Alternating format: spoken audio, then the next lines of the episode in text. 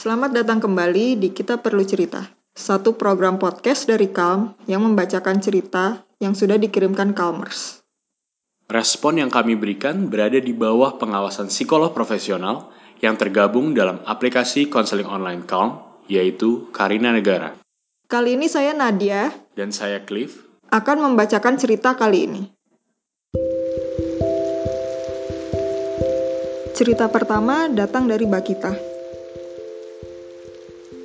Jadi, aku udah pacaran 4 tahun sama pacarku. Aku percaya banget sama dia. Dan udah ngerasa klop dan lancar banget hubungannya. Tapi aku baru tahu bahwa ternyata dia sempat selingkuh. Walaupun gak ngapa-ngapain. Tapi sempet chatting dan ketemuan sekali untuk ngobrol to have sex. Tapi ceweknya menolak untuk have sex. Ini ketiga kalinya aku diselingkuhin.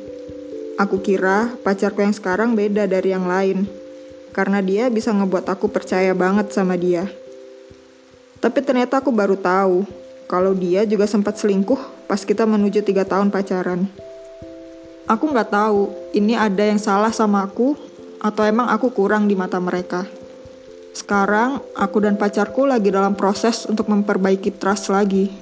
Tapi aku masih ngerasa belum lega atau masih ngerasa sakit banget dan takut bahwa pilihanku ini adalah pilihan yang buruk untuk tetap sama pacarku yang sekarang. I don't know who to talk to and I don't know what to do. Oke, Mbak kita pasti sungguh mengecewakan ya mengetahui orang yang kita sayang itu berkhianat pada kita. Dan lebih menyakitkannya lagi karena ini bukan pertama kalinya kamu mengalami hal ini. Perasaan-perasaan sedih, kecewa, marah, bingung, dan khawatir itu adalah emosi-emosi yang wajar untuk kamu rasakan. Mungkin ada baiknya untuk kamu mengevaluasi lagi semua hubungan romantis yang sudah pernah kamu jalani, termasuk hubungan yang sekarang ini. Perselingkuhan gak pernah jadi kesalahan atau berat di satu faktor aja. Kalau terus terjadi, biasanya ada pola yang berulang yang belum kamu sadari. Penting banget untuk mengidentifikasi pola ini. Uh, Dear Bakita, melanjutkan apa yang sudah Cliff sampaikan tadi, memang dalam menentukan pasangan yang mana itu adalah salah satu bentuk pilihan dalam hidup kamu, kamu harus mempertimbangkan banyak hal. Kamu bisa cerita ke teman-teman terdekat kamu, cerita pada keluargamu tentang apa yang kamu rasakan saat ini kamu juga bisa mulai terbuka dengan pasanganmu dan saling sharing sebenarnya apa yang kamu mau dari dia, apa yang kamu harapkan dari dia, dan sebaliknya kamu juga harus mendengarkan apa yang dia harapkan dari kamu dan kamu harap dan dia inginkan dari kamu. Mungkin jika kamu sudah mencoba melakukan hal itu namun masih merasa kurang, tidak ada salahnya untuk melakukan konseling pasangan untuk membantu proses memperbaiki rasa percaya kamu. Uh, jika tidak memungkinkan, mungkin bisa dengan konseling pribadi terlebih dahulu untuk melihat pola pribadi kamu.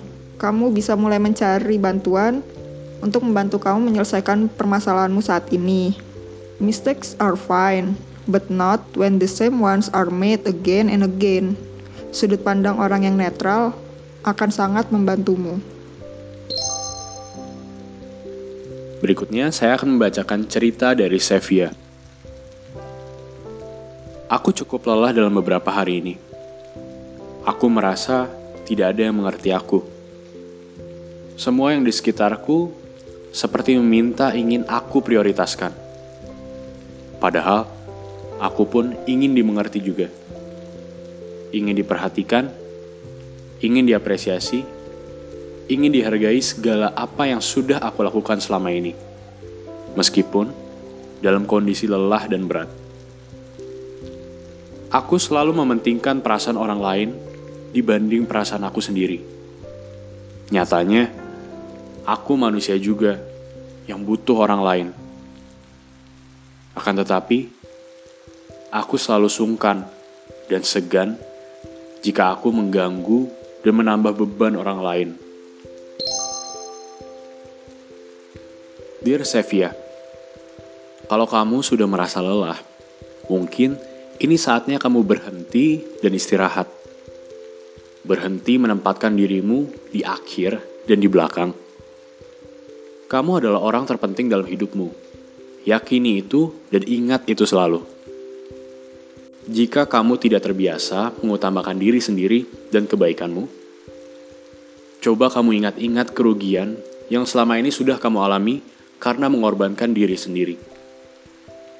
Apa kamu mau terus mengalami kerugian itu? Self-love is not selfish. Self-love justru adalah kunci agar kamu bisa menjadi pribadi yang bahagia dan berguna bagi orang lain. Kita dibentuk oleh kebiasaan kita. Kamu sudah terlalu terbiasa mengecilkan dirimu. Saatnya membuat kebiasaan baru, yaitu mengutamakan kebutuhan emosionalmu. Kebutuhan yang kamu sebutkan itu wajar semua kok. Mungkin ada baiknya untuk kamu mengidentifikasi akar dari kecenderungan. Ada baiknya kamu ada baiknya untuk kamu mengidentifikasi sumber-sumber dari kecenderunganmu itu, yaitu untuk sungkan dan terendah diri. Kamselor kami akan bisa mendampingimu menemukan sumber-sumber itu. Cerita selanjutnya datang dari An. Halo, di sini aku mau cerita tentang hidupku. Sebelumnya maaf banget kalau apa yang aku tulis ini rasanya pahit. Aku anak bungsu dari empat bersaudara yang jarak usia sama kakak sulungku 18 tahun. Aku bingung sebenarnya mau cerita apa. Karena banyak hal yang ganjel. Rasanya capek harus mendem masalah sendiri karena aku bukan orang yang gampang cerita. Aku mengalami yang gak semua orang alami. Aku korban pelecehan seksual saat masih kecil. Dan aku baru sadar setelah aku remaja. Rasanya sakit, karena pelaku adalah kakak iparku. Aku tidak pernah cerita ke siapa pun. Aku marah pada diriku, dan aku juga menyimpan kemarahan pada pelaku dan itu membebani aku. Aku juga pernah menerima perlakuan abusif dari ayah saat masih kecil. Aku pernah ditampar hingga diguyur dengan air. Meskipun itu tidak sering. Sekarang keadaan sudah tidak seperti dulu. Tapi trauma masa lalu masih ada. Aku masih bisa mengingat dan tergambar eh, aku masih bisa mengingat dan tergambar jelas di pikiran ketika aku dipukul. Aku merasa ada yang salah dengan diri ini, tapi aku tidak punya keberanian untuk berbicara. Aku takut. Aku ngerasa tidak punya seseorang yang benar-benar bisa mensupport. Aku ngerasa iri dengan teman-teman sebaya yang punya keluarga yang bisa mensupport mereka dan tidak perlu melalui rasa sakit yang aku rasakan aku sering berpikir mungkin apa yang aku lalui ini bisa membantu orang suatu saat nanti. Tapi aku lelah. Rasanya ingin berhenti saja. Terima kasih An sudah bercerita. Memang berat dan menyakitkan mengalami hal tersebut. Wajar aja kalau kamu merasa lelah. Tapi, lelah itu pertanda kamu perlu istirahat, bukan berhenti. Coba mulai sekarang, tiap pagi dan malam, sebutkan satu hal baik dalam hidupmu dan satu hal yang kamu nanti-nantikan. Sesederhana apa pun itu, coba kamu tuliskan. Sambil terus melakukan itu, kami harap kamu bisa mengumpulkan keberanian untuk menceritakan hal yang kamu rasakan dan kamu alami ke profesional. Jangan takut untuk meminta bantuan. Terima kasih telah bercerita. Semoga dengan bercerita dapat meringankan perasaanmu dan memberikan insight bagi orang lainnya yang mendengar.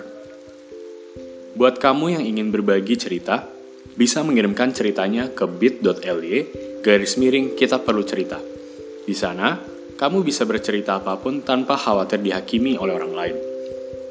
Cerita terpilih akan menerima respon dari psikolog profesional. Sampai jumpa dan jangan lupa, kita, kita perlu cerita. cerita.